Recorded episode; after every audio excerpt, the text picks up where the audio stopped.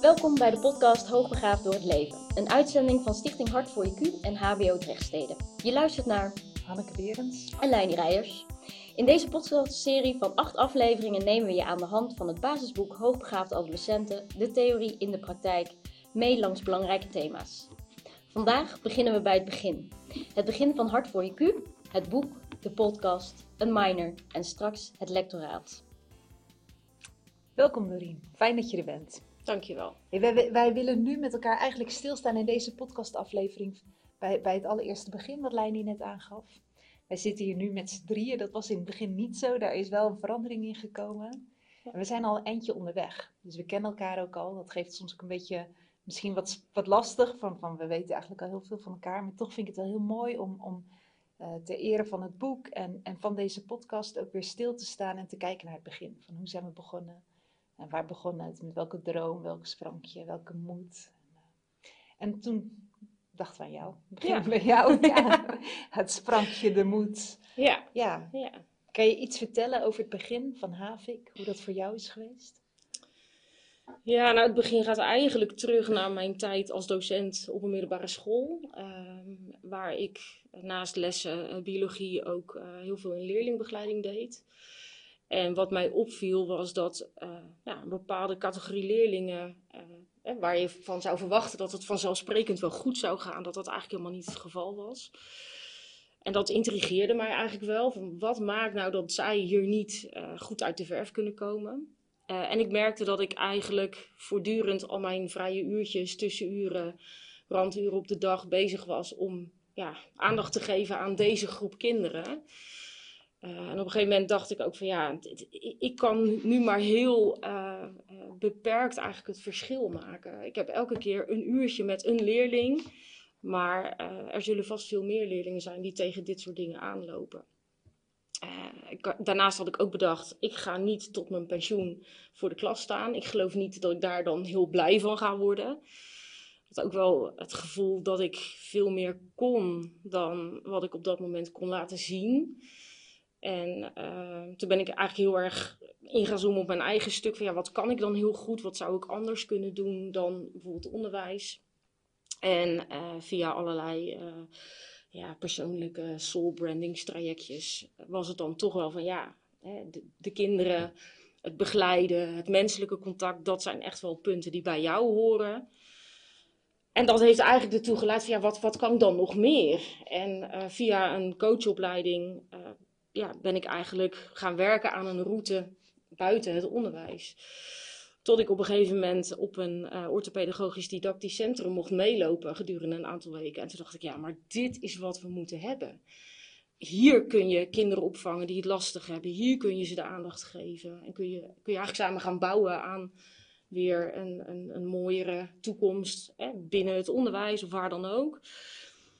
Toen dacht ik, ja, didactische stuk, dat kan ik wel, maar dat orthopedagogische stuk wordt een beetje lastig. En uh, nou ja, toen heb ik Leini gebeld. Ik heb een idee. Wil je eens met me meedenken? Zullen wij eens met elkaar in gesprek gaan? Nou, het was een mooie zomerdag volgens mij bij een lunch. Uh, dat we dat ook hebben ja. gedaan. En al pratend weg uh, ja, viel het woord hoogbegaafdheid steeds. En toen zeiden we, ja, maar dan, dan, dan is dit dus wat we moeten doen. En ja, onwijs spannend om uiteindelijk een, een, vaste baan van 20 jaar op te gaan geven. Om iets op te gaan zetten Echt voor deze doelgroep. Super spannend, ja. Ja, dat was het ook. Maar tegelijkertijd, ja, als ik ergens voor ga, dan, dan ga ik er ook wel voor duizend procent voor. Want anders dan gaat het ook niet lukken. En uh, nou, we hebben het heel goed voorbereid. We zijn echt negen maanden heel intensief aan het, aan het denken en aan het schrijven en aan het puzzelen. Negen maanden. Ja. ja, ons kindje eigenlijk. Ja. Um, ja, en toen ineens was daar Hart voor IQ. En uh, dat was wel een heel bijzonder moment eigenlijk. Want je hebt geen idee ja, waar je aan begint, waar het toe gaat leiden. En natuurlijk heb je een visie van, nou, dit is wat we heel graag willen doen.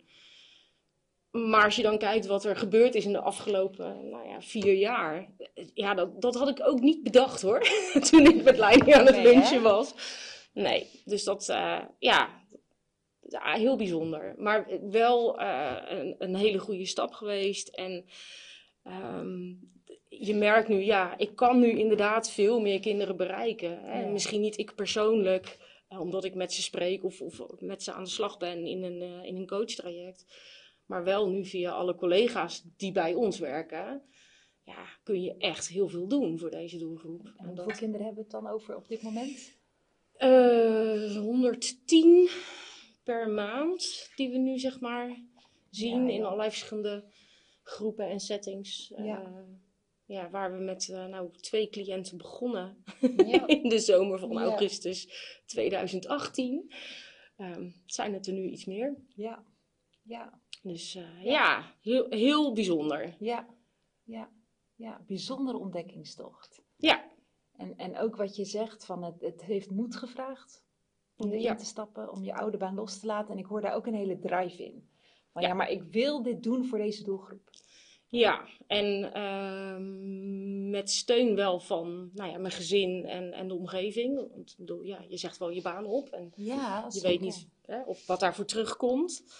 Uh, maar zij zagen ook wel van ja, je wordt niet gelukkig als je blijft zitten waar je nu zit. Ga alsjeblieft iets doen. Sla je vleugels uit en, en ja, kijk waar je terecht komt. Nou, dat is tot nu toe een aardig reisje geweest. Dus uh, ja. Vijf jaar zeg je? Ja, we, ja Hartelijk bestaat vier jaar ja. in uh, komende ja. februari. Ja, maar uh, Leini en ik zijn eigenlijk vijf jaar geleden, 2017, uh, zijn we eigenlijk met elkaar in gesprek gegaan. Dus in, in mijn hoofd hebben we al een vijfjarig jubileum. Ja, ja, precies. Maar voor het officiële vijfjarig jubileum moeten we nog een jaar wachten. Ja, even een jaar wachten, ja. Maar er is zoveel veranderd en zoveel gebeurd natuurlijk en gebouwd. Ja, vooral dat. En, ja. en als je terugkijkt, wat staat dan voor jou centraal als drive of als aanleiding? Nou ja, toch wel um, het verschil kunnen maken. En uh, soms heb je voor jezelf niet door hoe je het verschil maakt, hè, of hoe groot die bijdrage is. Maar dat zit hem soms in hele kleine dingetjes. En um, ik, ik krijg, nou, ik was van de week jarig. Uh, van heel veel oud-leerlingen appjes op mijn verjaardag. Ik denk, denken ze nog aan mij? Serieus? Ja, dat is ja. al heel lang geleden. Ja. Ook via kaartjes. Uh, uh, van, joh, je hebt, je hebt zoveel betekend. Gewoon door er te zijn en naar ons te luisteren. Ja. En ja, ons eigenlijk de route te wijzen. Van, ja, hoe gaan wij nou verder na onze middelbare schoolcarrière? Wat is er allemaal mogelijk? En hoe werkt dat in de grote boze mensenwereld? Ja.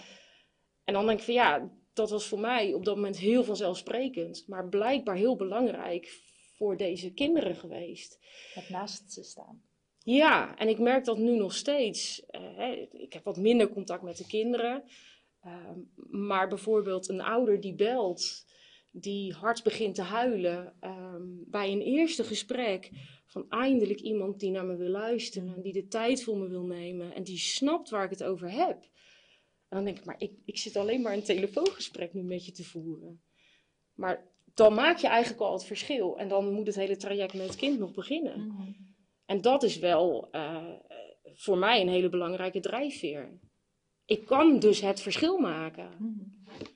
Ja, precies. Het, het kan, het werkt. Precies. En voor zoveel. Ja. ja. Het roept bij mij ook een beeld op, het plaatje op, waar we het laatst over hadden. is een situatie dat er een jongetje boos was, verdrietig, over een hekje gebogen, naar het water stond te turen. En als we het dan hebben over wat je doet, dan vat dat denk ik het heel mooi samen. Van je ja. staat naast hem. Ja. Hij mag huilen, hij mag boos zijn. Ja. En je bent ook een stukje beschermer voor de boze buitenwereld, die vervolgens met verwijten komt. Ja. Hè, dan help je ook om dat een beetje te, te leiden. En laat je hem zien hoe kan je hier op een andere manier op reageren. Ja, dat klopt. Maar en, en tegelijkertijd ook met een, met een knipoog. Ja. En humor. He, want soms zijn de dingen echt heel, heel naar en zwaar en verdrietig. Maar er is altijd wel iets waardoor je het wat luchtiger kan maken. En, en eigenlijk ook alles weer een beetje kan relativeren. Van kom op. Tuurlijk is het echt heel, heel vervelend wat er nu gebeurd is. Maar ik denk dat we hier best wel een modus in kunnen vinden samen. Ja. En uh, ja, dan maak je dus op dat moment ook weer het verschil. Terwijl eigenlijk op dat moment ik gewoon doe wat ik zelf ook heel graag zou willen dat de ander bij mij zou doen als ik daar zou staan. Ja. En dat is denk ik uh, ja, waarom ik daar ook niet zo over nadenk. En het voor mij eigenlijk een soort van vanzelfsprekend is dat ik dat doe. Maar blijkbaar dus wel daarin heel erg het verschil maak. Ja. in het samen, denk ik. En het, Ja, nou ja, en met mij natuurlijk alle collega's. Hè. Ik bedoel, Ja. we hebben het nu over mij, maar het, het- wij doen het allemaal. Ja. En, en eh, ja, dat, het heeft, het denk ik ook te maken met een, met een passie en een gedrevenheid. En eh, hè, de behoefte achter het gedrag kunnen zien. Ja, dat Ja. is wel... eh, ja, dat vind, ik- vind ik echt super, super mooi eigenlijk. Ook als ik de verhalen van de collega's hoor wat er dan weer gebeurd is. En denk ik, ja, ja. wauw. Dat is ook vandaag, we, we hebben al een aantal gesprekken gevoerd, is dat ook steeds langsgekomen. Ja. Het achter het gedrag willen kijken, nieuwsgierigheid blijven houden voor wat iemand drijft, maar ook de moed hebben om uit te stappen in iemands pijn, in iemands kwetsbaarheid. Ja. En dan samen elkaar te ontmoeten, verbinding te hebben Ja. en vanuit verbinding weer vertrouwen en groei te gaan eh, bereiken. Ja. Ja. Ja. Dat zit er allemaal in. eh, Ja. Wat ik wel interessant vind, is dat je net zei van hè, het, het gaat nu wel over mij, maar ik heb daarnaast ook collega's. En dat ik wel benieuwd ben naar hoe, hoe zo'n stap dan is voor jou. Uiteindelijk ben je een docent en, en je hebt een bepaalde connectie met een, een specifieke doelgroep binnen die school. Ehm, wat, wat, wat is inderdaad die drijfveer om naast eh, je kunt alleen gaan coachen en, en dat gaan doen naar het, oké, dit ga ik heel groot oppakken. Ja, ik weet niet of die drijfveer er al, van tevoren was. Want ik wist niet waar ik aan begon. groeide. Eh, ja, als je met de vraag komt, eh, kom, we gaan een OPDC. Dat, dat is niet inderdaad iets, ik doe een coachingspraktijk leuk Nee, opzetten. nee, nee. En ik denk dat. Ehm, en natuurlijk vind ik het begeleiden van de kinderen heel leuk. En ik, ik loop regelmatig natuurlijk de groepen binnen om even een praatje te maken. En af en toe dan vlieg ik in als er eentje over een hekje gebogen staat. Ehm, maar ik heb ook bij mezelf gemerkt, ook in de tijd dat ik nog eh, op school werkte, dat ik nou, organisatorisch best sterk ben. Dat ik het ook wel leuk vind om, om lijnen uit te zetten, mensen daarin eh, nou, aan te sturen, eh, te motiveren, te enthousiasmeren. Eh, vooral dat stukje, denk ik.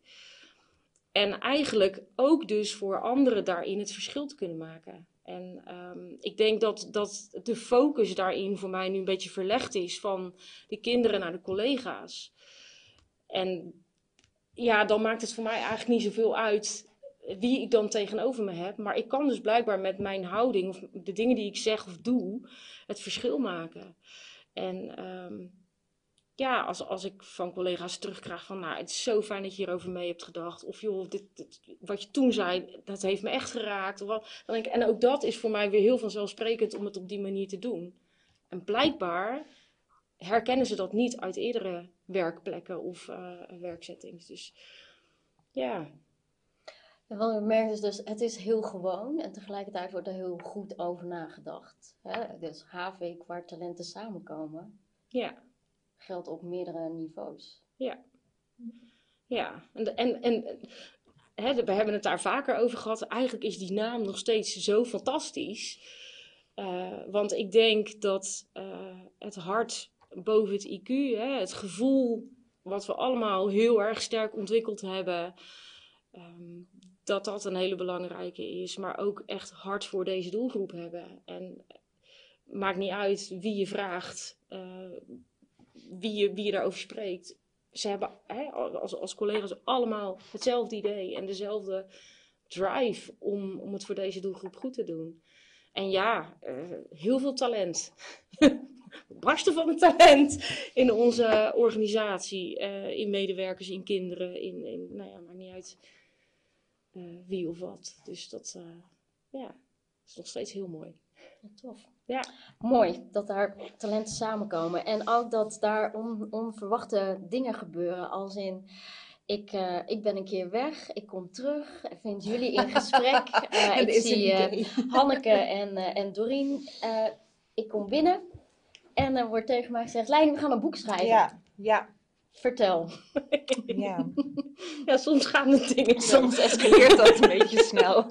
Nou ja, ik denk dat dat natuurlijk de, de, de kracht van ons eh, drietal is. Zet ons bij elkaar en er komen ideeën. Mhm. En eh, ja, niks is gek genoeg en we gaan het wel doen. Want naast denkers zijn we ook doeners. En dan opper je soms een idee, kom we gaan een boek schrijven. Ja, nou ja, dan gaan we dat ook gewoon doen. En ik weet nog wel hoe dat, eh, hoe dat ging. Uh, Hanneke en ik zouden samen na gaan denken over een masterclass die, uh, die we zouden geven. Of die Hanneke grotendeels zou gaan geven. En ik zat te vertellen over mijn ervaringen. En ja, dit was niet goed en dat kon beter. En, maar je kan het ook zus doen. Dat Hanneke zei, ja, dit moet je op gaan schrijven. Want er zit zoveel in jouw hoofd. Dat staat nergens. En anderen kunnen hier ook hun voordeel mee doen. En nou ja, dat, was eigenlijk. Oh ja, nou, we gaan een boek schrijven. Oké, dat gaan we dan doen. En jij zei, ja, maar Leini wil ook al heel lang een boek schrijven. nou, dan appen we Leini, Leini. ja, ja, zo, zo, zo gaan die dat. Ja, ja, zo gaan die dingen. Dus uh, ja, en dat was natuurlijk ook een, uh, een heel avontuur. Want ja, je, je roept iets, maar je hebt geen idee waar je aan begint. Ik denk dat dat wel een beetje de rode draad is. Uh, maar ja, een heel tof proces om dat met elkaar te doen. En um, inderdaad ook voor jezelf heel goed na te denken van ja, hoe, hoe werkt dat dan voor mij? En wat weet ik er eigenlijk allemaal van? En hoe kan ik iemand anders dan helpen? En dat dan ook nog helder op papier zien te krijgen, dat uh, is dan de grootste uitdaging. Maar ja, wel heel gaaf. En als je dan uiteindelijk je boek in je, in je handen hebt, midden in de lockdown, en niemand kon het met ons meevieren. Voor je computer. Ja. ja, dat is dan ook eigenlijk wel een soort van de geboorte van je tweede kind of zo. Nou ja, ik denk dat we een groot gezin gaan stichten met elkaar uiteindelijk. Als ik alle plannen zo uh, ja, je heb. Dus uh, ja, superleuk. Ik, dit, dit had ik van tevoren nooit gedacht. En uh, als je dan zegt voor jezelf, ja, ik wil niet tot mijn pensioen voor de klas staan, maar wat dan wel? En dan in een tijdsbestek van, nou, vier jaar komen er dit soort dingen op je pad. Ja, weet je, dat is natuurlijk fantastisch. En dan voelt dat inderdaad als, wow, mijn vleugels zijn uitgeslagen en ik mag in de 25e versnelling. En, en kom maar door met, met alles wat nog op ons ligt te wachten. De complexiteit die er mag zijn en de snelheid en de groei. Ja, en ook dat je ziet van wat je daarmee bereikt. En dat niet alleen maar is voor jezelf, maar het is, het is ook voor zoveel anderen. Ja, en, en hè, wat je zegt van de, de complexiteit en de snelheid van denken. Voor mijn gevoel, en ik heb dat ook echt letterlijk gezegd tegen mijn vorige werkgever, dat was niet zo heel erg aardig. Maar ik zei, ik heb het gevoel dat ik tot leven ben gekomen. En, en dat was het echt. Ja ik mocht ineens. Van mezelf misschien ook wel, maar ik mocht ineens van alles. En, ja. Uh, ja. En dan merk je ook, oh, maar ik kan ook echt heel snel en heel complex. En ja. Ja. ja.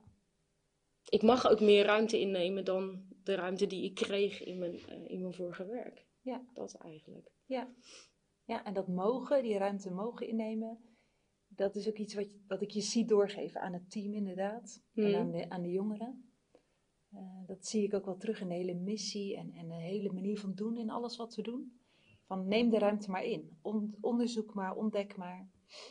Ja, want als je merkt hoeveel ruimte je kunt innemen uh, en hoe snel je kunt gaan, dan, dan, dan kun je ook pas ja.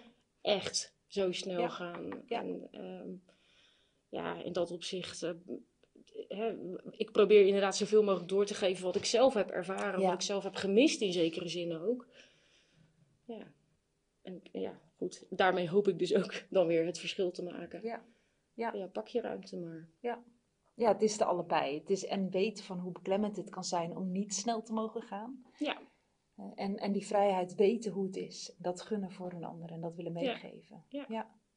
Uh, en die, en de, die metafoor van je vleugels letterlijk uitslaan. Zo'n zo pas ontpopte vlinder die vleugels uitslaat, kreukels eruit en gaan. Dan, ja. Uh, ja.